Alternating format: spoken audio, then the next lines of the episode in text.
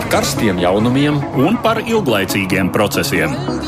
Par idejām, par cilvēkiem, par naudu un par laiku. Par abām mūsu planētas puslodēm, un lietojot abas smadzeņu puslodes. Ēterā raidījums divas puslodes. Raidījuma tandēmā atkal esam mēs, Edvards Liniņš un Aits Tamsons. Labdien! Labdien! Kādu brīdi tādu slimošanas atvaļinājumu dēļ mūsu sastāvs mainījās, bet nu šodien atkal mēs būsim tie, kas pārunāsim aktuālo pasaulē. Joprojām pasaules uzmanība ir pievērsta traģiskajām sekām, kādas izraisījušas zemestrīces Sīrijā un Turcijā. Šodien lielāku uzmanību pievērsīsim Sīrijai, kas jau pirms zemestrīces ir smagi cietusi pilsoņu karā, un šī iemesla dēļ arī palīdzību sniegt tur ir grūtāk. Satraucoši jaunumi pienāk no Moldovas, kur atklātībā nākušas ziņas par Krievijas gatavotu varas mājiņu valstī.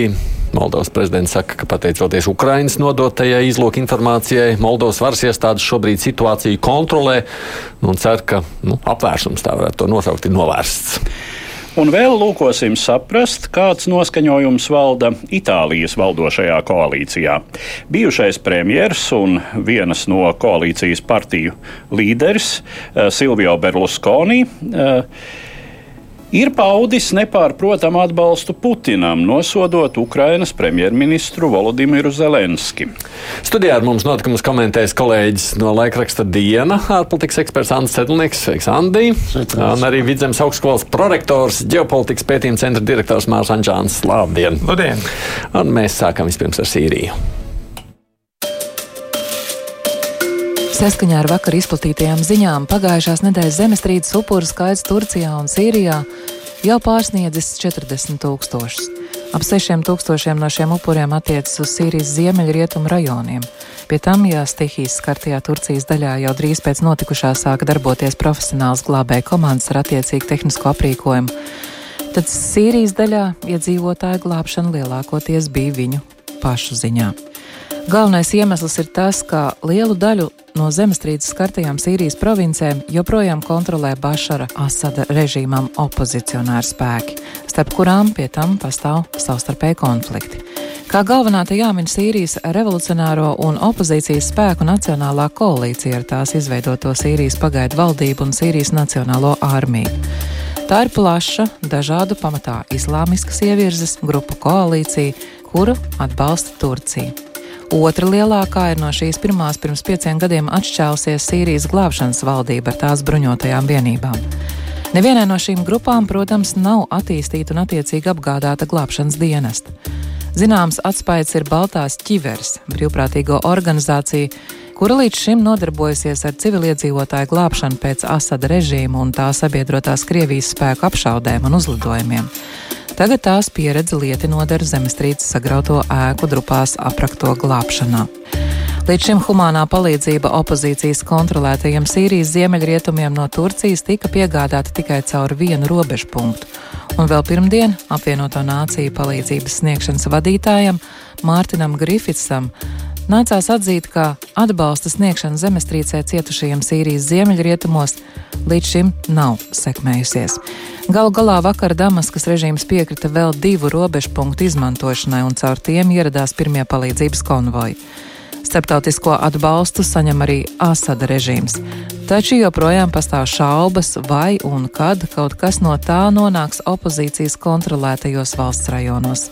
Līdz šim palīdzības saņemšanu no Damaskas valdības kontrolētās teritorijas negrib pieļaut arī radikāla islāmistiskā opozīcijas grupa Levantes atbrīvošanas organizācija, kas kontrolē lielu daļu no zemestrīces skartās Idlibas provinces. Traki jau tā situācija, pirms tātad pilsoņu karš tā jau viss tur ir nopostīts, tad zemestrīce nespēja nodrošināt visu tā palīdzību un dzird arī tajās, nu, medijas sacīto, ka visticamāk tas nelielais skaitlis no Sīrijas puses bojā gājušie tur pār 6000, jā, tikai tik maz tāpēc, ka tur neviens nevar lāgi saskaitīt, pat kā tas būtu Turcijā. Mums vispār skaidrs, cik ir tādi patiesie varētu būt tie postījuma apmēri?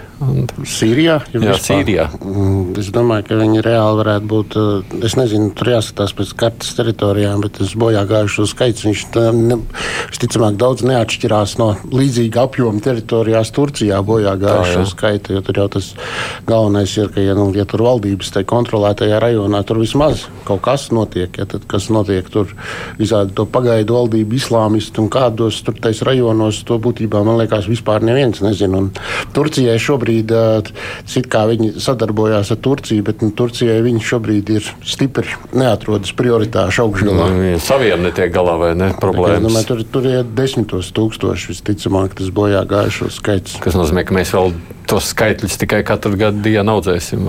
Tā izskatās. Domāju, par Sīrijas nu, cietušajām daļām mēs varbūt nekad pat neuzzināsim, cik bojā gājušie tur ir bijuši, jo es nedomāju, ka kāds zina, cik iedzīvotāji šobrīd tur ir, jo nu, arī sižet pieteikumā tika jau ziņots, ka tas daļu tikai kontrolē Sīrijas valdība, daļu kontrolē kurdi. Tad kurdu pašaizsardzības vienības mājas vai atbalstīts daļu teritorijas, ziemeļos ir okupējusi pati Turcija. Mm. Un tad vēl ir citi grupējumi. Un, nu, pilsoņu karš no 2011. gada vairāk nekā desmit gadi. Nu, tiešām diez vai ir skaidrs, cik tur cilvēki pirms zemestrīces dzīvoja. Nu, vienīgais nu, rokvaļā un tad jau atrod. Nu, jā, bet tāpat arī, kā tika pieteikts, mm. tad nu, tur ir daudz, daudz mazāk tehnikas un vietām vispār nav. Un, un, un kad vispār to būs iespējams vai vispār pacelt šīs sabrukušās mājas. Paši sīrieši jau saka, ka tas. Nu...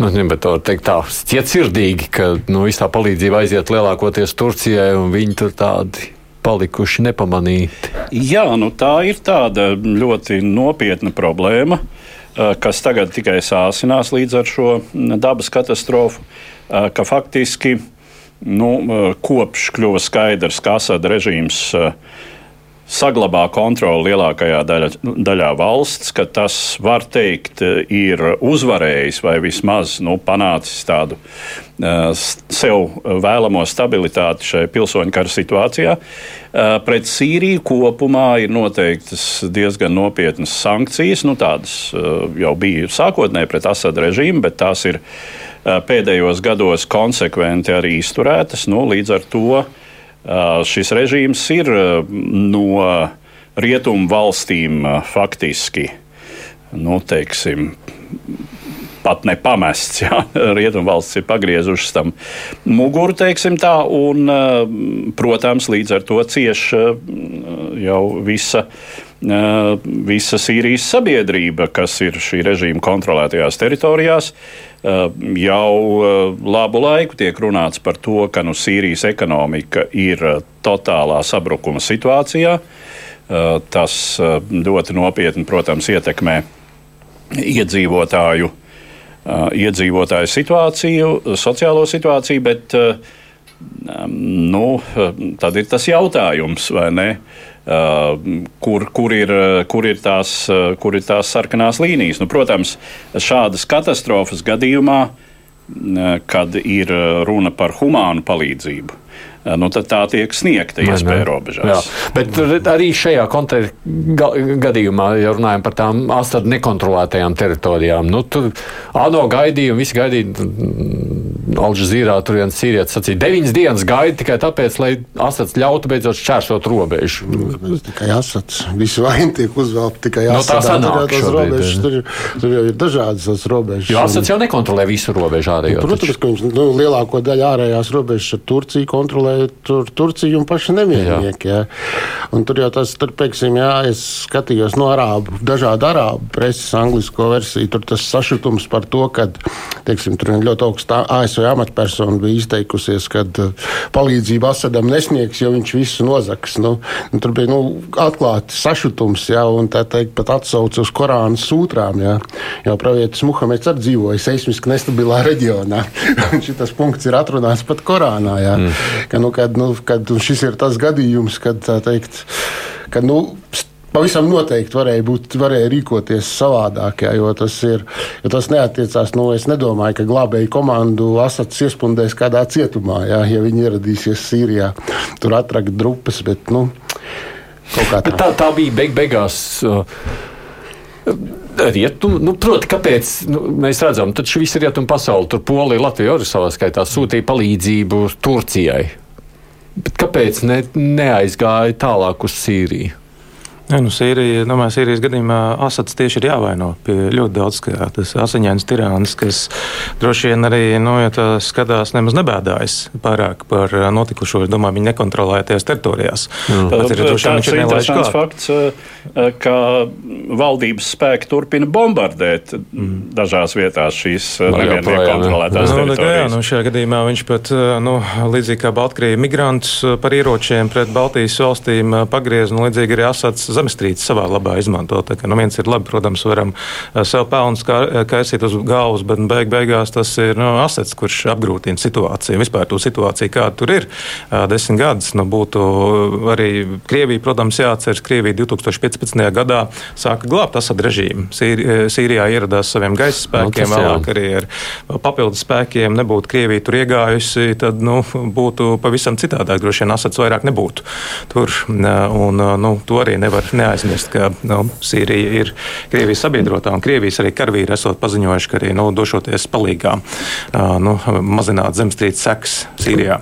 Tas To ir tik tālu, viss būtu skaidrs. Tajā pašā laikā, kā mēs tas piedāvājam, nu, tur ir pietiekoši liela teritorija, kas arī nav Asada kontrolē. Nu, viņa nav tur. Kāpēc mēs. Ne, nu, es saprotu, ka runa, runa ir par palīdzēt. to, ka šīs robežu šķērsošanas vietas uh, tur ir. Uh, teiksim, ir šī, šis viens um, robežu šķērsošanas punkts starp Sīriju un Turciju, nemiernieku kontrolētajā teritorijā, caur kuru arī līdz šim tika nogādāta regulāri kaut kāda humanā palīdzība Jā. Eh, šais nemiernieku teritorijās dzīvojošajiem. Uh, un uh, vairāk punktu netiek izmantoti tāpēc, ka tie nav apstiprināti attiecīgi apvienoto nāciju līmenī. Uh, Tā tad nav nekādas garantijas, ka, piemēram, tie paši Asada spēki nesāk bombardēt kādus konvojus, kuri, kuri šķērso robežu attiecīgajā vietā. Nu, tā tas līdz šim bija, tāpēc Nu, tagad nu, beidzot ir panākts, panākta vienošanās, ka ir vēl divi robežu punkti. Nu, tad, attiecīgi, vairāk to palīdzību var piegādāt. Nu, bet nu, beig beigās tas bija jāsaka, kurš apsolīja vienkārši nebombardēt, tāpēc gaidīja deviņas dienas. Tā. Nu, apmēram tā, jā. Nu, viņam loģisks jautājums, kāpēc viņam atļaut atvērt tos punktus, ja viņam neviens nekādu palīdzību nepiegādā. Viņam jau tur arī cilvēki tūkstošiem ir miruši. Viņam saka, mēs tev nedosim neko. A to atver punktus, mēs taviem ienaidniekiem dosim visu. Ja. Bet dramatiski, ka šādā situācijā nu, sanāk par šādām lietām plēsties. Tur nav runa par visu. Ja. Un es saprotu, ka nu, tiek piegādāts jau pa apvienoto nāciju kanāliem eh, palīdzība pienāk arī Asada režīma teritorijai. Nav gluži tā, ka, ka viņš ir pamests viens, jā, taisnība savienotā Savienotās valstis un, cik es saprotu, arī Eiropas valstis tiešu palīdzību Asad režīmam nesniedz. Ja, bet te nav stāsts par režīmu, te ir stāsts par cilvēkiem, kas drupās aprakti. Tur jau tā lieta, jā. Nu. Nu, tas arī ir tāds plašāks stāsts, vai ne? Mēs arī daudz runājam par Ukrajinu. Kāpēc ir valsts, kas atbalsta Ukrajinu, kāpēc ir valsts, kas neatbalsta? Nu, skaidrs, ka nu, geogrāfija ir nozīme tam, kas ir tuvāk. Nu, Turcija, Sīrija, protams, turpat ir, bet nu, tādā, domāju, mentālā izpratnē Turcija Eiropā ir ievērojami tuvāk nekā uh, Sīrija. Uh, tas arī noteikti ir apstākļus. Turcija arī, protams, ir NATO dalībvalsts. Uh, šobrīd arī no. tur spīlēs Zviedrijas, Somijas iestāšanos NATO. Tad, tad arī, nu, nu, divas būtiskas Eiropas Savienības dalībvalsts. Tāpēc nu, arī šeit, protams, nevar noliekt, ir nu, skatījumi, kas noteikti ietekmē hmm. nu, situāciju. Bet nu, realtātē jau šobrīd kaut kāda lielāka palīdzība ir sagaidām, ņemot vērā tās arī jau faktiski mediju pievērstā uzmanība Sīrijai. Nu, apvienotajām nācijām aktivizējot savus pūliņus, es saprotu, ka jā, nu, vienīgi, ka, protams, Uh, daudz dzīvību vairs izglābt. Dzīvību jau tur vairs nevar neko izglābt. Ne? Nu, vienīgi teiksim, tādā ziņā, ka uh, salīdzinoši var būt uh, cilvēki, kuru dzīvību vai veselību apdraud uh, um, pajumtes trūkums, um, teiksim, pārtikas trūkums, medikamentu trūkums. Nu, tur varētu būt, ka šī palīdzība sāk pienākt salīdzinoši lielākā skaitā. Skaitā. Andi. Nu, tur valdībai tur, jā, nu, tur ir Krievija, Irāna, protams, arī tur. Es, es īsti nesapratu, Ķīna tā kā oficiāli tā kā palīdz, tā kā nepalīdz. Tur, tur grūti saprast, viņi tur lavierē. Tur ir virkni arābu valstu, islāma valstis, ja, tā teikt, kas tur sniedz palīdzību, kas attiecās uz šiem dažāda veida nemierniekiem. Tur vispār ir joprojām, manuprāt, ir neskaidrs, jo tur jau viss galvenokārt caur Turciju notiekās. Jau... Bet mediji jau tur piekļūt var taču tām teritorijām, vai nevar? Nu, Daudz grūtāk, bet bija arī BBC žurnāls, bija arī nu, tāda ļoti nu, bēdīga sižeta arī izveidojas, parādīja, ka nu, Turcijā smago tehniku tiek rakts mājas, Sīrijas pusē bērni ar rokām, nu, šos te grubešus roku, tā, nu, tiešām parādīja to milzīgo disonanci, kāda viņi ir, diemžēl. Es vienkārši domāju, tā pasaule nevarēja kā citādi reaģēt. Es par to vairāk domāju. Es, tā, nu, acīm, redzot, acīm redzot, diemžēl nē šajā gadījumā. Nebūs kāda jauna bēgļu plūsma sagaidām no tās puses, tagad, ņemot vērā esošo. Tur tiem cilvēkiem nav kur dzīvot. Vairākums jau tāpat ir aizbēguši. aizbēguši jā. jā, un tur jau karš ir. Turbūt tāpēc arī tur kaut kā tā, tā savādāk uz to skatās. Tur 11 gados tur jau ir daudz valodā izsakot, nonests visu, ko var nonest. Ja? Jā. Tā, tā, Nu, kaut kā tā. Nu, jā, nu, jā, jā, jā, migrācijas, protams, plūsmas nevar izslēgt pilnībā. Ir jāatcerās arī Turcijā 3 eh, vai pat 4 miljoni eh, bēgļu no Sīrijas joprojām dzīvo. Un, eh, nu, redzēsim, kā Turcijā situācija attīstīsies. Nu, ekonomiskā situācija, kur vesela reģiona būs nu, iespējams no jauna pat jābūvē daudz, daudz, daudz infrastruktūras mājas. Tā, kā, nu, to nevar izslēgt jā, tādā plašākā kontekstā. Turcijā jā. vēlēšanas nāk maijā.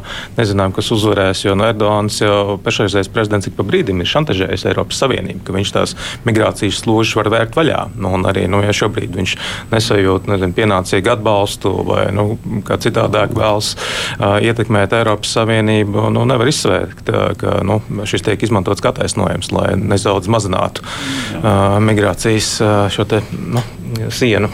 Pie kam uh, Turcijas sabiedrībā esot uh, kāpusi negatīva attieksme pret, palielinājusies negatīva attieksme pret uh, Sīrijas bēgļiem. Nu, ļoti saprotami, ja mums pašiem tagad ir grūti, mums mm -hmm. ir uh, liels problēmas pēc zemestrīces, un mums vēl jāgādā par tiem sīriešiem, kas te ir -hmm. ieradušies. Tas Nē, ir īstais, īstais brīdis, viņš varētu arī mēģināt viņus tā teikt, jā, nu, gādīgi novirzīt pie saviem draugiem uz Grieķiju. Tā neapmierinātība arī tas, ko Edvards minēja, ir ilgstoši diezgan bijusi. Eh, par cik eh, nu, ir tiešām ir miljoniem sīriešu, kas arī vēlas izmantot eh, nu, pabalstus, cik, cik tas ir nu, pilnīgi loģiski. Un arī vienlaikus nu, tā ir konkurence darba tirgū. Un, uh, Turcijā ekonomika arī nav gājusi tik spīdoši. Tur ir nu, diezgan milzīga inflācija, pat lielākā Eiropā bijusi pēdējā laikā. Un, un, un tāpēc un tās savstarpējās attiecības nav uh, vienkārši starp Sīrijas bēgļiem un uh, Turcijas uh, pamatiedzīvotājiem. Jebkurā gadījumā šis vēl būs ziņu virsrakstos droši vien nevienu dienu, vai ne? Tā trakā situācija, kāda ir. Ja par Turciju droši vien mēs vairāk uzzināsim, tad par Sīriju es baidos. Tad ļoti daudz kas atkarīgs no žurnālistu darba.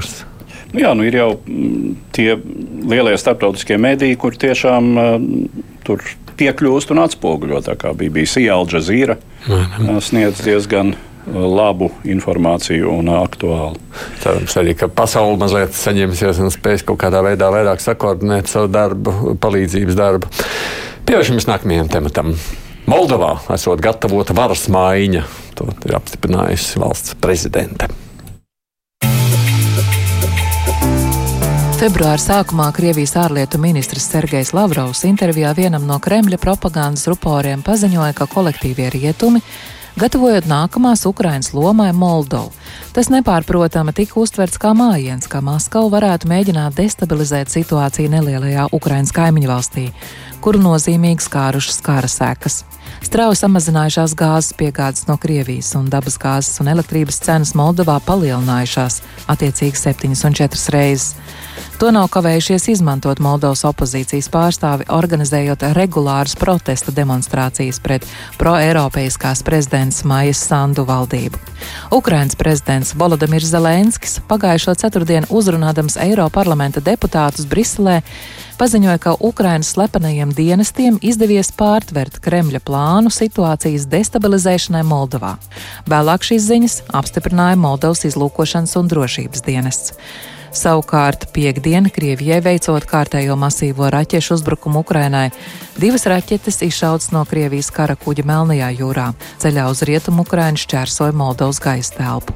Šai sakarā uz ārlietu ministriju Kišiņevā tika izsaukts Krievijas vēstnieks bet dažas stundas vēlāk par demisiju paziņoja Moldovas premjerministre Natālija Gavriļica.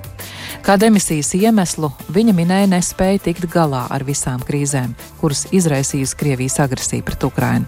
Prezidente Sandu pateikusies līdzinējai premjerai par paveikto un jau nominējusi viņas pēcnācēju, savu līdzinējo padomnieku drošības jautājumos, ekonomikas un vadības speciālistu Dorinu Rečānu. Pirmdien arī pati prezidenta apstiprināja, ka Kremlis plānojas gāzt viņas valdību. Šai nolūkā valstī bijis paredzēts iepludināt lielāku skaitu Krievijas, Baltkrievijas, Serbijas un Melnkalnas pilsoņu, kuriem bija jāizraisa masu nekārtības, lai gāztu likumīgo valsts varu un izveidotu Moldovā Kremļa kontrolētu valdību. Nekādi konkrēti pierādījumi šim plānam pagaidām nav publiskoti. Taču vakar Moldova paziņoja, ka valstī tiks liekts iebraukt vairākiem tūkstošiem Belgradas futbola komandas partizānu līdzjutēju, kuri grasījās apmeklēt spēli ar komandu Šerif separātiskās Piedņestras republikas galvaspilsētā Tiraspolē.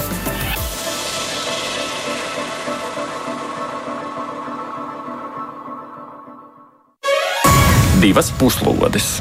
Atgādini, kopā ar mums studijā arī ārpolitikas eksperts Ants Cirlnieks Mārs Anģāns. Publiskajā telpā ir diskusijas par to, vai tiešām Krievija ir nopietni gatavojusies kādai varas gāšanai Moldovā, vai tas tikai bijis mēģinājums kā, nu, iztaustīt situāciju, lai apzināti, varbūt tādā veidā nopludinot kaut kādu it kā slepenu informāciju. Kā jūs domājat? No kuras puses apzināti situāciju? Nu, nezinu, no kuras puses. Nu, nu, tur tā situācija arī bez apzināšanas tur mēnešiem ilgi turpinās. Pie tam desmitiem tūkstoši katru, brīv, katru brīvu dienu iet ielās un brēc nost valdību, nost prezidenti. Ja. Katru dienu? Katru brīvdienu. Nu, katru dienu ne, bet katru brīvdienas, brīvdienās viņi tur mītiņo uz nebēdi. Ja, tur ir desmitiem tūkstoši. Ja. Un, kas būtiski, tad šo protestu tāds kā galvenais simbols pat nav nav sociālisti, bet Iljans Šors, kurš vispār ir Izraels pilsonis. Ja.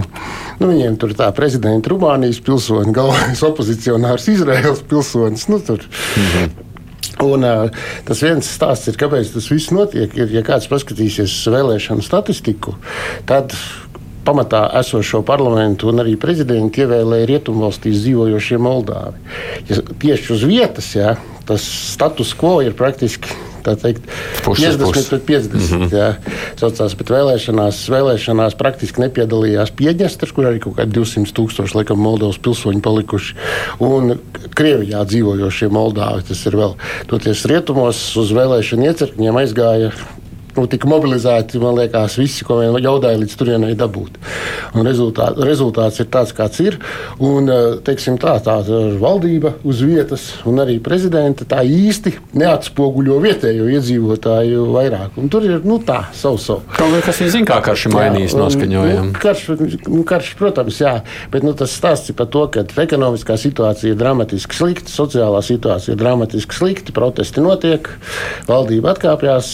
Es domāju, domāju, ka Krievija, protams, izmanto šo situāciju, bet uh, tā ir tikai viens no, nu, teiksim, piedalās tajā visā. Bet es domāju, ka tas ir tikai viens no faktoriem, jo, teiksim, vēl viens konflikts Moldovā viņiem pat labāk, nu, es neesmu drošs, ka viņiem ir vajadzīgs. Tā kā tu domā, ka tas es domāju, vairāk ka tas ir drīzāk tāds... ir tā teikt, uh, kaut kas zem tā visa ir, bet tas drīzāk ir tāds mēģinājums nepieļaut, ka, nu, ā, tagad opozīcija tieši šobrīd prasa ārkārtas vēlēšanas, ārkārtas vēlēšanas. Jā. Jā. Tā teikt, un tas ir doma, lai, teiksim, kad mēs varam uz to visu atsaukties. Kaut kāds iemesls tam visam, protams, ir, bet mēs varam to visu tā krietni sadramatizēt un uz to atsaukties, lai tā teikt, noliktu pie vietas opozīciju. Labi. Tā tautas valodā. Tā tu domā, ko Mārcis saka? Tu? Nu, es domāju, ka ārkārtīgi nopietni jāvērtē apvērsuma iespējamība, kas acīm redzot tik novērsta Moldovā.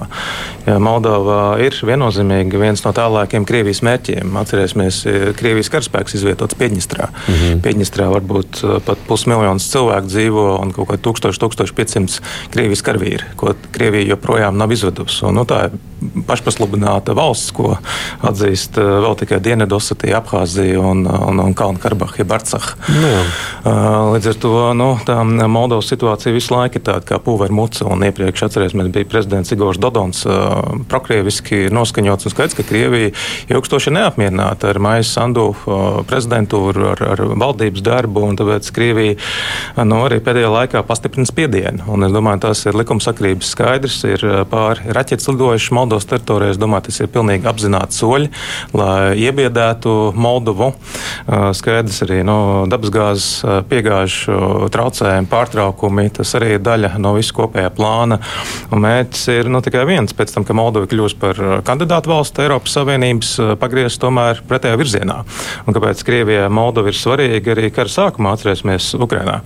Uh, aprīlī notiks sprādzieni Piedņestrā, diezgan mistiski, kur uh, nu, Piedņestras separāti separātisti apsūdzēja Ukrainu. Uh, Ukraina savukārt norādīja, ka tas ir Krievijas darbs. Nu, tad, tad ir uh, acīm redzams mērķis destabilizēt gan Piedņestru, gan Moldovu kopumā un iespējams nu, pavērt pret Ukrainu vēl vienu fronti. Nu, tie paši Krievijas karavīri turpat netālu no Odesas. Tā kā nu, sanāk tāda vēl viena rietumu fronte, bet domāju, tas ir ārkārtīgi nopietni jāvērtē tas, kas Moldovā ir, ir noticis un pagaidām ir novērsts. Jo tā ir tikai viena lapus tādā ļoti biezā grāmatā, ar to vēl nekas nebeigsies. Nu, tas, ka Krievija Krievijai, protams, Moldova nepatīk, tad tur šaubu nekādu nav. Tas jautājums ir, cik tā patiešām ir bijis kāda organizēta slep, slepenu dienestu nu, kaut kāda akcija un cik tas ir varbūt tiešām politiski izmantots, lai mēģinātu iespaidot sabiedrisko domu, pieņemsim, no pašreiziem politiķiem. Nu, no vienas puses ir tā, ka Krievijas militārās iespējas kaut kā izmantot šo Piedņestras placdarmu ir minimālas šajā brīdī. Eh, jo nu, tas kontingents, kas tur ir, tie 1500, eh, tur mhm. nav bijusi iespēja pēdējā laikā, mm, eh, faktiski kopš 2014. gada, piegādāt nec nopietnu bruņojumu, nec papildus spēkus. Faktiski tas kontingents ir formēts no uz vietas Piedņestrā dzīvojošajiem. Un, nu, šķiet, ka neatceros eh, līdz kuram brīdim, nu laikam eh, krievu virsnieki privātās drēbēs varēja ierasties um, Kišiņevā un tad aizbraukt mm -hmm. līdz tam Piedņestras um, anklāvam. Uh, bet um, nu, attiecīgi un, un teiksim, nosūtīt turp kaut kādus palīdzības spēkus. Nu, pieņemsim, desants no Melnās jūras puses, kurš mēģinātu aizlausties līdz Piedņestrai militāri, ir pašreizējā brīdī diezgan neiespējami. Jā, Odesas mm. rajons ir no jūras puses, es pieļauju, vislabāk aizsargātā teritorija visā Melnās jūras akvatorijā. Bet Cita lieta ir mēģināt destabilizēt situāciju, sagādāt nopietnas galvas sāpes līdz ar to Eiropai. Ir skaidrs, ka kaut kāda apdraudētības sajūta Moldovas sabiedrībā var pastiprināt tendences, nu, kas ir šobrīd tā sacīt iesaldētas, bet kas nav pilnīgi uh, svītrotas no dienas kārtības, proti, iespējamā Moldovas um, apvienošanās ar Rumāniju. Um, Kā zināms, pašreizējā Moldova lielākā, eh, respektīvi šī visa šī teritorija kādreiz starp diviem pasaules kariem bija Rumānijas mm. sastāvdaļa. Nu, Rumānijas prezidents, saprotu, izteicis lielu satraukumu par šīm pēdējām ziņām Jā. un sacīs, ka viņi varētu, nu, ka viņi noteikti darīs visu, lai garantētu Moldovai drošību. Jā, ir diezgan liela. Uh, nu, fakti, ne, nu, faktiski, ja Moldovai draudētu nopietnas militāras briesmas, tad es pieļauju, ka Rumānija iesaistītos. Mm. Uh, kā Rumānija šobrīd iesaistās uh, ekonomiski, tehnoloģiski, tehniski sniedzot atbalstu šai enerģētikas nu, krīzē. Viņu tautieši tā var sacīt. Nu, jā, tā ir būtībā etniski tā ir viena, viena tauta. Jā, es ne, vienkārši no tīri personiskām komunikācijām ar cilvēkiem, kas sevi sauc par Moldāviem, jā, ir Moldāvi kas sevi sauc par rumāņiem, un Moldāvi, kas sevi sauc par moldāviem. Ja? Viņi būtībā ir viens un tas pats, bet vieni paši identificējās kā pilnīgi neatkarīgi, viennozīmīgi Moldāvi. Ja? Saucās. Un otrs identificējās kā nu, Moldāvi, bet rumāņi. Jā, jā respektīvi. Un tas ir ļoti svarīgi šajā gadījumā. Tas ir svarīgi, jā, jo, jo eh, vienotas, eh, teiksim, tāda vispārēja atbalsta šai nu, potenciālajai Apvienošanai. apvienošanās tādam modelim ar Rumāniju. Protams, Moldāvijas sabiedrībā nav. Moldovas sabiedrībā nav. Un tur ir tas, tas ir potenciāli draudz ar diezgan lielu pretstāvu. Tāpēc arī, tāpēc arī līdz šim šis jautājums ir tāds nolikts eh, teiksim, tā atvilknē. Ja? Un, ja mēs atceramies, pirms kāda laiciņa Rīgā bija Moldovas eh, ārlietu ministrs, man ar viņu bija īsa intervija, un tad es uzdevu šo jautājumu. Un, uh, toreiz, uh, Ministra kungs teica, nu, tas, tas ir konstitucionāla uh, referenduma jautājums, protams. Uh, mēs šobrīd to, šobrīd to neizskatām, un attiecīgi tūdaļ pārgāju pie stāsta par to, cik ciešas no otras puses ir saiknes ar Rumāniju. Mhm. Nu, un, protams, Piedņestras problēma arī, jā, kas, kas ir uh, pilnīgi noteikti, ka šādā situācijā uh, nu, Piedņestrā tas, tas Piedņestras jautājums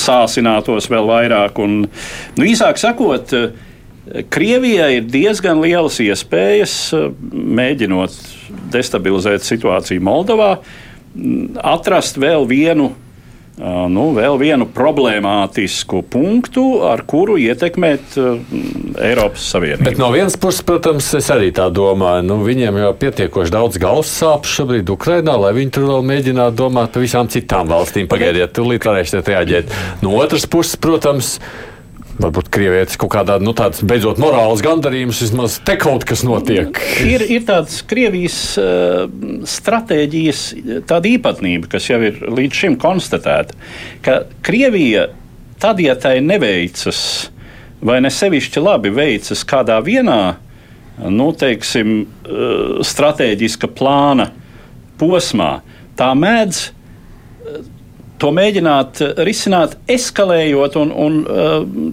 tiešām, kā saka, Aha. nu, nosacīt, atverot vēl vienu fronti. Viņi spēja kaut ko tādu, nu, labi, Andi, tu. Es domāju, ka tas viss, protams, ir, bet mēs nedrīkstam aizmirst, ka arī tā iekšējā konfrontācija mm -hmm. ir ļoti liela, jāsaucās arī bez visas uh, Krievijas. Tur tās domstarpības ir nu, gadu desmitiem. Bija, bet Krievija to var labi veiksmīgi izmantot. Jā, viņi tajā visā ar prieku var piedalīties, jā, bet uh, tas nekādi nemaina faktu, jā, ka tur ir joprojām kaut kur klimst apkārt miljardieris plahatņuks, jāsaucās. Jā. Tur ir, eh, ir, tur ir eh, tādi ļaudis, ja, saucās, kas būtībā viņi, viņi ir gatavi vienā dienā uzdoties par Krievijas draugiem, otrā dienā par Eiropas draugiem. Ja vajadzēs, viņi uzdosies arī par musulmaņiem un Ķīnas jā, jā. draugiem. Ja. Galvenais, lai viņu intereses tiktu nu, ievērotas. To var veiksmīgi izmantot, ja vajag. Jā, protams, to var izmantot. Un, nu, jā, līdzīgi kā Edvards arī minēja, nu, Krievija var izmantot nu, pašreizējā situācijā eskalētu nu, lietas citvietu. Un, domāju, ka nedrīkst Krieviju par zemu novērtēt. Tas, kas varbūt varbūt uh, nu, mēs arī sagaidot uh, pirmo gada dienu kara, uh, nu, arī daudz zinām par Ukraiņas veiksmēm, bet nu, jāraugās arī nu, pietiekami objektīvi un kritiski uz situāciju. Jo nu, skaidrs, ka ir jauna ofensīva sākusies jau pret Ukraiņu, viņi kļūst aizvien stiprāki. Vienlaikus Krievijas darbības nu, Moldovā, Krievija tāpat ar Wagner grupu vai bez tās ir aktīva Āfrikā, Malī, Centrālā Āfrikas Republikā, kur tiek arī apsūdzēti kara noziegumos par nu, brutālu attieksmi pret civiliem iedzīvotājiem. Lavrovs apbraukā Āfriku, apkārt meklē jaunus draugus. Nu, Krievijas ekonomika arī pēc Pasaules bankas un Startautiskā valūtas fonda prognozēm ir kontrastējoša. Viena no prognozēm saka, ka Krievijas ekonomika varbūt pat bišķiņ, bišķiņ pieaugs. Līdz ar to nu, tas pats svarīgākais šeit ir nu, nedomāt, ka Krievija ir piesieta nu, tikai pie Ukrainas, ka tā neko citu nespēja. Es domāju, tā varētu būt liela kļūda. Un, līdz ar to ne tikai Moldova, arī mums šeit ir jādomā, kas nu, pret Baltijas valstīm, kā kādas aktivitātes Krievija ir izvērsta, vienalga vai tā ir kibertelpa vai informatīvā telpa. Tas, es domāju, pats galvenais. Krievija nedrīkst novērtēt par zemu. Lai arī kas tur būtu bijis, politika vairāk vai mazāk, vai šāda te publisks paziņojums pirms tam. Uh, nu, vai pareizi sakot, šobrīd, ja tur gan no prezidenta beigās, no visas puses sakot, ka rūk, bija tāds kaut kas gatavots. Tas palīdz kaut kādā brīdī šo situāciju politiski nu, risināt. Tas, jā, tas palīdz mobilizēties, tas attaisno šādas tādas rīcības, tajā skaitā vērstas pret opozīciju, bet no jautājums ir uh, pierādījumi Nu, nu, teiksim, es nesaprotu, kā, kāpēc tur vajadzēja piepīt vēl klāt Melnkalnu. Labi, es saprotu, ir Serbijas futbola fani, kas ir slaveni ar to, ka vicinā Krievijas karogus, iesaucās un kliedz Kosovu ir Serbija. Teikt, bet uh, kāds te sakars ar Melnkalnu? Vat izstāstiet, no kurienes viņi te pievilkuši klāt Melnkalnu. Nu, var, varbūt, ka jā, nu, Melnkalnas prezidents jau arī ir izteicies, ka viņa prāt tas skanot dīvaini, Aha. un viņš, protams, ļoti gribētu zināt Aha. Es domāju, ļoti daudz gribētu zināt. ja patiešām, kā viņš izteicās, ir kādi bezatbildīgi cilvēki Melnkalnē, kur ir gatavi uz avantūrām, tad uh, viņš ļoti labprāt to uzzinātu, bet ka viņa prāt, jā, nu, skanot, skanot savdabīgi. Tas, bet tas nozīmē, ka mēs tā arī neuzzināsim plašāk nekādu informāciju, vai uzzināsim tavuprāt? Nu, jautājums, vai mēs, vai mūsu bērnu bērni. Bērnu bērni. Nu, bieži vien jau par tādām lietām um, nu, neuzzina objektīvu apstākļu dēļ. Arī Turcija mēs iepriekš daudz piesaucām. 16. gads arī notika apvērsts mēģinājums Turcijā. Tur joprojām ir versijas, kas un kāpēc un vai bija. Tā kā, nu, es domāju, to nu, viegli kritizēt uh, Moldovas prezidentu un valdību, bet uh, situācija, kur viņi atrodas, tiešām nav vienkārša. Un, uh, situācija patiesi objektīvi ir separātisks uh, reģions, kur ir Krievijas karaspēks, vienalga ar kādām problēmām, ar apgādi, ar vispārējo, bet tas ir nopietns draudz. Un arī Piedņestrā, nu, arī ja viņi izsludinātu, piemēram, mobilizāciju, kas, domāju, nu, diezgan attāli iespēja, tas varētu būt diezgan nopietnas nepatikšanas gan Moldovai, gan Ukrainai. Kā minimums Ukrainas spēkus piesiet eh, vēl ne tikai pie Baltkrievijas eh, robežas, bet arī vēl pie Piedņestras, pie Moldovas. Es piebildīšu, Piedņestrā ir sava 25,000 vīru liela, pie kam ļoti kaujaspējīga armija. Ja, viņi tiešām ir ļoti kaujaspējīgi. Viņi regulāri to vien dara, kā trenējās un gatavojās. Jā, un plus vien... vēl var mobilizēt ap 50 tūkstošiem nu, nezinu, zemesargu vai kā lai viņus nosauc. Jā. Tas, ko Mārcis saka, jā. Mhm. Un, un tā teikt, tie 75,000 vīri, un pat ja viņi tur atrodas tādā šaurā zemes strēlē, jā, viņi ir gana motivēti. Jā, un viena lieta ir, vai šie cilvēki ir gatavi uh, krist par Kremļa ambīcijām. Bet, uh, nu, ja viņi izjūt kaut kādu apdraudējumu no tās pašas Moldovas puses, vai ja viņiem šādu apdraudējumu izjūtu izdodas radīt, nu, tad, protams, viņi varētu būt pietiekami motivēti. Mm, jā. Ir vēl kāda valsts, kur arī ir vērts aprunāts Krievijas izraisītā kara kontekstā, un tā šoreiz mums ir Itālija. Iekšpolitisku viļņošanās Itālijā nulle izraisīs valdībā ietilpstošās partijas Forza Itālija dibinātājs un priekšsēdētājs Silvio Berlusconi. Runādams ar presi pēc nobalsošanas vietvaras vēlēšanās Milānā, 86 gadus vecais politiķis un preses magnāts izteicās: Lai es runātu ar Zelenski, ja es būtu premjerministrs, es nekad tur nedotos, jo mēs redzam viņa valsts izpostīšanu un viņa karavīru un civiliedzīvotāju slaktiņu. Būtu pieticis noticis, ja viņš beigtu uzbrukums divām autonomajām republikām Donbasā, un nekas tāds nenotiktu. Tā kā es šī kunga rīcību vērtēju ļoti, ļoti negatīvi. Vēl vecišķais politikāns piemetināja, ka Savienoto valstu prezidentam Baidenam vajadzētu piedraudēt Ukrainai ar palīdzības pārtraukšanu, ja Kijevas valdība nevēlas pārtraukt uguni. Tā Berlusconi reaģēja uz Itālijas premjerministres Džordžijas Meloni neseno tikšanos ar Zelenski viņa vizītes laikā Briselē. Premjerministre partijas Itālijas brāļu pārstāve līdz šim noteikti atbalstījusi Ukraiņu tās karā pret Krieviju un paudusi sarūktinājumu, ka netika aicināta uz Parīzi, kad Zelenskis tur tikās ar Francijas prezidentu Emmanuelu Makronu un Vācijas kancleru Olafu Šulcu. Savukārt Itālijas opozīcijas pārstāvi jau izteikušies, ka šāda viņu valsts apiešana nesot nekāds brīnums, ja ievēro kādi spēki veido tās valdību. Berluskonī, kā zināms, nekad nav slēpis savu draudzību ar Krievijas līderu Putinu, un simpātijas Kremļa saimniekam savulaik paudzes arī trešā Melonī koalīcijas partnera labēja populistiskās partijas līga vadītājs Mateo Salvini. Svētdien un pirmdien notikušajās vietvaru vēlēšanās divos lielākajos Itālijas reģionos - Lombardijā un Lācijo gan liecina, ka Itālijas sabiedrības simpātijas pieder Melonī politikai Partija Itālijas brāļi šais vēlēšanās startējusi vispārliecinošāk, atņemot daļu balsu arī saviem koalīcijas partneriem. Interesanti, ka Berluskonī publiskais uznāciens notiek laikā, kad pavisam tuvu ir pilna mēroga kara darbības sākuma gada diena un Krievija aktivizējusi savus pūliņus frontē. Var tikai minēt, vai tā ir nejauša sakritība vai daļa no Kremļa mērķtiecīgiem centieniem, pie kuriem varētu būt pieskaitām arī Ungārijas ārlietu ministra Petera Šijārto nesenā nesenā vizīte Baltkrievijā, šādi pārkāpjot pašpasludinātā prezidenta Lukašenko diplomātsko blokādi no rietumu puses. Ungārija varbūt beigās arī, bet par Itāliju vispirms. Cik liela nozīme ir pie, vērts pievērst tādiem Berluskoni izteikumiem? Arī? Nu, uzmanība ir jāpievērš tajā ziņā, ka jāatceras, ka nu, rietuma vienotība bijusi ļoti stingra attiecībā uz Ukrainu, bet nu, kaut kādas plaisas var parādīties. Bet nu, Berluskonī paziņojums, es nedomāju, ka ir tā plaisa. Un nu, Itālija šobrīd būtu jāvērtē pēc darbiem, nevis pēc nu, vienas personas nu, diezgan ambizantas vārdiem. Jo tieši tagad Itālija bija viena no valstīm, kas paziņoja par jaunu pretgaisa aizsardzības sistēmu piegādi Ukrainai. Mhm. Un arī nu, partijas biedrs nu, Berluskonī, ārlietu ministrs, kas tagad ir Tajānē, viņš arī uzreiz norobežojās no Berluskonī izteikumiem. Un, un, un kopumā arī nu, Itālijas valdība ir daudz kritizēta nu, par neofašistiskām um, saknēm. Uh, nu, Džordžijas Melonī nu, partija, bet tik tālu ir tik labi. Uh, šobrīd diezgan stingri uh, turās uh, Melonī vadītā koalīcija nu, rietumu nometnē un atbalsta Ukrainu. Tā kā, nu, šobrīd es neteiktu, ka vajadzētu. Nu, Berluskoni viņi neizmainīs nekas vairs. Kāda ir Berluskoni nozīme koalīcijā, tavuprāt? Berluskoni, nu, Pat grūti pateikt. Jā.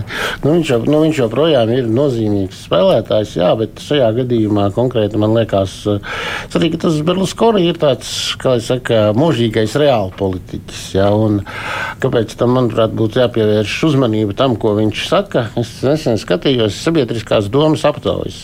Jā. Ko Eiropas valstīs domā par to, vai nepieciešams turpināt atbalstīt kara darbību Ukrainai vai jāsēžās pie sarunu galda. Necīs Vācijā, Francijā, Itālijā, kur visur vairākums ir par to, lai sēstos pie sarunu galda. Tas, tas klausās vienmēr skaisti, vai ne? Jā, tas nu, ir skaisti cilvēkiem. Redziet, viena lieta ir piedalīties vieglā un uzvarošā karā, neko nezaudējot, bet otra lieta ir, ka, ja, ja ir skaidrs, ka tas konflikts ilgsies ilgi, varbūt pat gadiem, kad ekonomika cieši, cilvēki paliek bez darba, gāzes cenas atrodas tur. Viņš, domāju, viņš vienkārši tīri iekšpolitiski apsvērumu dēļ izmanto šo šo faktoru iesaucās, jo viņš jau. Es domāju, viņš tiešām varbūt arī līdz simts gadiem grasās palikt politikā. Uzstādījis rekordu. Fidelu Castro viņš laikam ir pārnē, vēl nav pārspējis. Tā kā viņam jaunība viņš es domāju, ka tas ir jāvērtē vairāk kā iekšpolitisks, jā, bet ir vērts pievērst uzmanību, ka šādi teikt, izteikumi un politiķi var parādīties aizvien vairāk, jo tie noskaņojumi sabiedrībā ir tādi, kādi ir. Uh, ko saki, jo tāds var ietekmēt, uh, Edvards, arī sabiedrības noskaņojumu, jo politiķis viens otru ietekmē sabiedrību, jā, jā, nu, politiķi un politiķis sabiedrību. Tā ir divu virzienu kustība, un, uh, protams, ka nu, pirmkārt jau politiķi gan uh, pauž savu vēlētāju viedokli, par Forza Itālija vēlētājiem droši vien, ka mm, šie cilvēki pamatā uh, vai, vai liel, lielā skaitā ir šādās pozīcijās, ka nu, viņi, nu, tā problēmas būtība ir tāda, ka joprojām uh, priekšstats par Ukrainu nu, Eiropas sabiedrībā, tas Ukrainas valstiskuma nojēgums, tā izpratne ir tāda izplūdusi. Un, uh, uh, tur ir diezgan viegli iedēstīt idejas, ka nu, tā būtībā ir Krievijas uh, kaut kāda, nes kādu iemeslu dēļ atšķēlusies daļa. Un, kā līdz ar to, nu, varbūt tiešām ko, nu, ko viņi tur uh, lej asinis, ka tās mm -hmm. ir mhm. politiskas ambīcijas uh, un ka, Ukrainas, uh, ka visiem būs labāk. Ja tiešām sēdīsies pie sarunu galda, nu, sēšanās pie sarunu galda tas vienmēr izklausās labi, protams. Tā tad labāk, labāk drāmīgs miers nekā, nekā skaists karš. Ja? Protams, universāla patiesība. Tajā pašā laikā nu, mēs, mēs ļoti labi saprotam, ka Tepat nav, tepat varbūt pirmā priekšplānā nav liekama Ukrainas suverenitātes ideja, tas princips, kas, protams, ir ļoti svarīgs, nu, neapējams ja, šajā gadījumā.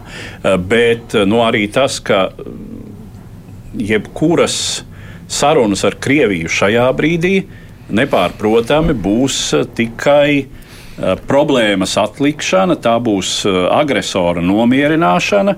Eh, un jebkurš pamiers mums draud ar nākamo raundu kaut kad nākotnē. Nu jā, tas nav mūsu autoriem, to mazāk varētu sacīt. Tas jautājums, kā Itāļi to uztver, beig beigās tas paliks tikai tādas Itālijas koalīcijas kaut kāda iekšējā problēma ar kaut kādiem izteikumiem, vai tas varētu izvērsties plašāk mār tādā ziņā? Domāju, ka pagaidām neizvērtīsies šobrīd. Nu, tiešām Itālijas premjera ir, ir, ir no, nu, stingri stāv Ukrainas pusē. Nesen gan viņa izteica kritiku Makronam, Francijas prezidentam, ka viņi netika ielūgti nu, jā. uz tikšanos tikšanos eh, nu, Zelenskis, eh, Šalts un Makrons. Nu, tas nebija labs žests. Reiz, nu, vietām tas izskanēja kaut kā citādāk, ka tas ir kritika Ukraiņas virzienā, bet nu, viņi kritika Ukraiņas virzienā nav vērsus. Un tik tā tiešām ir eh, Itālija bijusi ļoti nu, nozīmīgs arī atbalstītājs Ukraiņā. Tad ne tikai finansiāla palīdzība, bet arī militāra palīdzība ir sniegta. Mm. Es domāju, šobrīd bažu par, par Itālijas no nu, tādiem ārpolitikas vektoriem nav. Nu, bet pašu koalīciju tas arī nesamaitās. Nu, šķiet, ka nē, jo nav īpaši daudz alternatīvu. Laikam jau tomēr joprojām ir tā, ka uh, arī mm, šīs uh, valdošās galvenās koalīcijas part, partijas elektorāta noskaņojums nu, neļauj īsti laikam, man tā šķiet, domāt par mm, citu koalīciju, kas būtu koalīcija ar kreisāku opozīciju. Uh, Uh, atsakoties no pašreizējās nu, labējo spēku koalīcija no tīra politiskā viedokļa, ir šobrīd Itālijā visloģiskākā. Mm.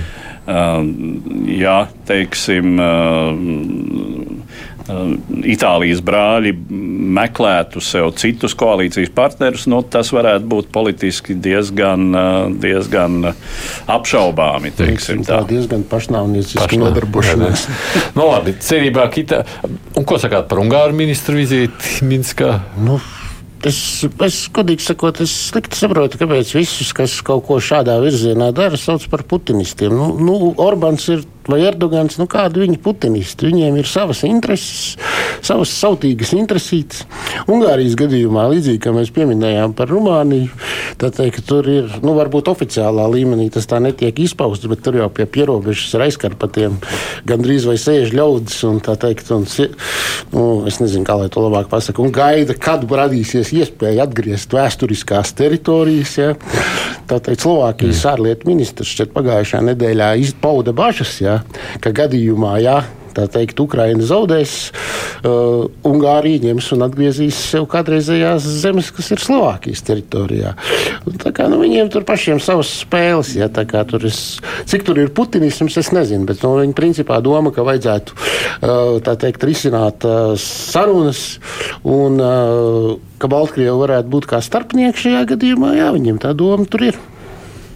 Nu, jā, es gan teiktu, ka ļoti, ļoti žēl par, par Ungārijas ārpolitiku, arī par ministru vizīti. Domāju, tas diezgan nožēlojami izskatās. Brauciens uz Minsku, ko tas dod Baltkrievijai, iespēja parādīt, ka tā nav izolēta vairāk.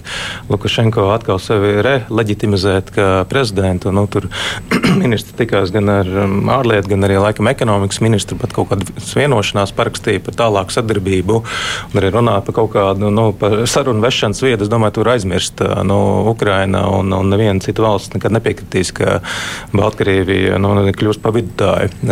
Kādas trešās Minskas nebūs? Nu, viennozīmīgi nebūs. Nu, tā ir agresora atbalstītāja. Arī nu, Orbāns ir tik neganti izteicies par Ukrainu, ka nu, nenāktos Eiropas Savienības dalību. Bet tā ir muļķība no Ungārijas puses, tāda aprobežotība. Nu, labi, savas intereses, bet nu, tu jau saproti, ka tās intereses tu nekādi nevar ārpolitiski nemaz realizēt. Nu, jā, bet toties iekšpolitiski šo patos var uzturēt. Un, tas ir nu, tā kā paša sava vēlētājiem. Nu, tas jā, tiek nu, strādāts nu, tikai vienīgi. Ar aizkarpatiem viņa iet uz urā. Aha. Nu jā, jo to jau mēs arī esam atzīmējuši, ka viens no Orbāna šiem politikas tādiem emocionāliem balstiem ir šī nācijas pāridarījuma izjūta vēl kopš Pirmā pasaules kara.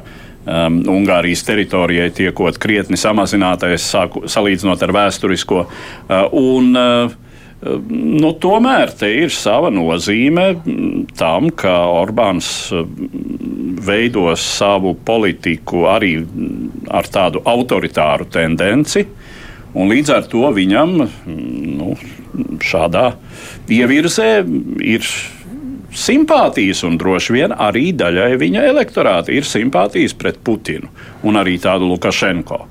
Un tas jau, protams, ir ļoti neglīti, ja mēs skatāmies uz, uz to no Eiropas demokrātijas vērtību skatu, skatu punktu. Nu jā, bet mēs, piemēram, redzam, ka kaut kur video tīklos klīst, kad nu, mm, Zelenskis, kad ieradies Briselē, tur viss apkārt ap viņu tā viens pats, tur Arbāns sēž kaut kāds mapīts pārcelā, viņš tur, nu, pilnīgi viens pie galda palicis.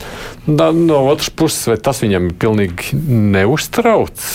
Jā, nu, viņu pagājušajā gadā diezgan pamatīgi pārvēlēja.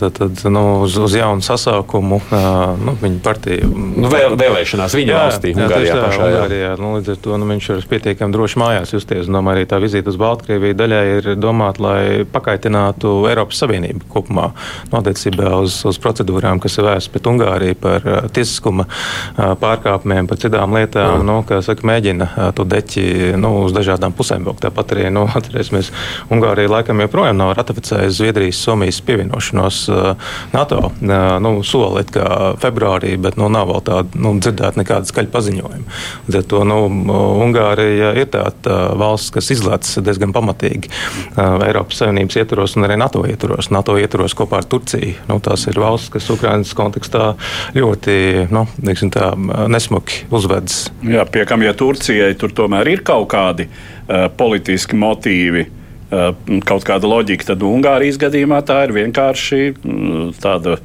Nu, tāda pirkstiņa rādīšana uh, nu, pārējiem NATO partneriem. Ungārijas impērijas vēsturi jau vēl neviens nav atcēlis. Tomēr no, nu, Austro-Ungārijas, eh, tā teikt, nu, ne gluži Frančs Josefs, bet nu, tur rēks joprojām ir dzīvs. Un cits starpā ir vietas, kur viņš ir gana populārs, kur impēriskais karoks un pie viņa tiek turēt lielā cīņā. Redz, tā vēsture nāk līdz tajā visā sadaļā, kas jāatcerās, domājot par Ungāriju, bet beig beigās viena lieta, kas man grib vai negrib jāvelk paralēlis starp tādu kā Putinu un Orbānu. Nu, viņi ir vairāk raizē, ka tikai viņi paši savā valstī tiek ievēlēti. Pārējais ir otršķirīgi, vai ne? Nu, nu. Tas jau gan ir, protams, rūpe jebkuram politiķim, jo, jo viņa valsts piešķirtais mandāts ir Eh, ir izšķirošais. Bet, eh, nu, jāsaka tā, ka ir politiķi, kuri ir gatavi mēģināt dialogā ar savas valsts sabiedrību pārliecināt,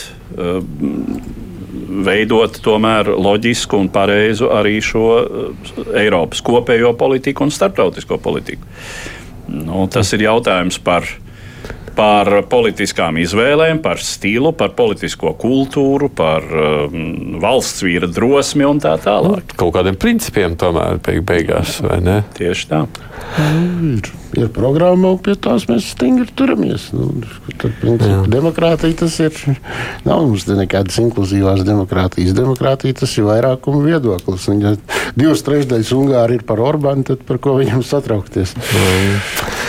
Tā saka kolēģis no Liekraksta Diena, Andris Stedulnieks. Paldies, ka atnācāt šeit uz studiju. Saku paldies Vidzemes augstskolas prorektoram, ģeopolitikas pētījumu centra direktoram Mārim Anžānam arī par piedalīšanos raidījumā.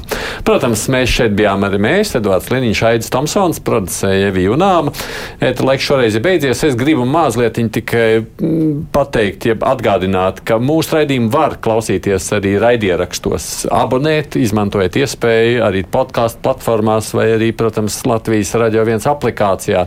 Tad to var klausīties tajā ērtajā laikā, kad tas jums ir izdevīgi. Un droši vien jāpiemina nākošā reize, kad mēs, nu tā ir nākamā nedēļa, ir tā nedēļa, gadienas nedēļa, kopš karš izsācies Ukrainā. Mēs visu raidījumu veltīsim tam kopā ar Eduārdu. Tā kā tematika ir skaidra, mēģināsim saprast, kas šī gada laikā ir noticis. Tā kā tiekamies atkal pēc nedēļas. Divas puslodes!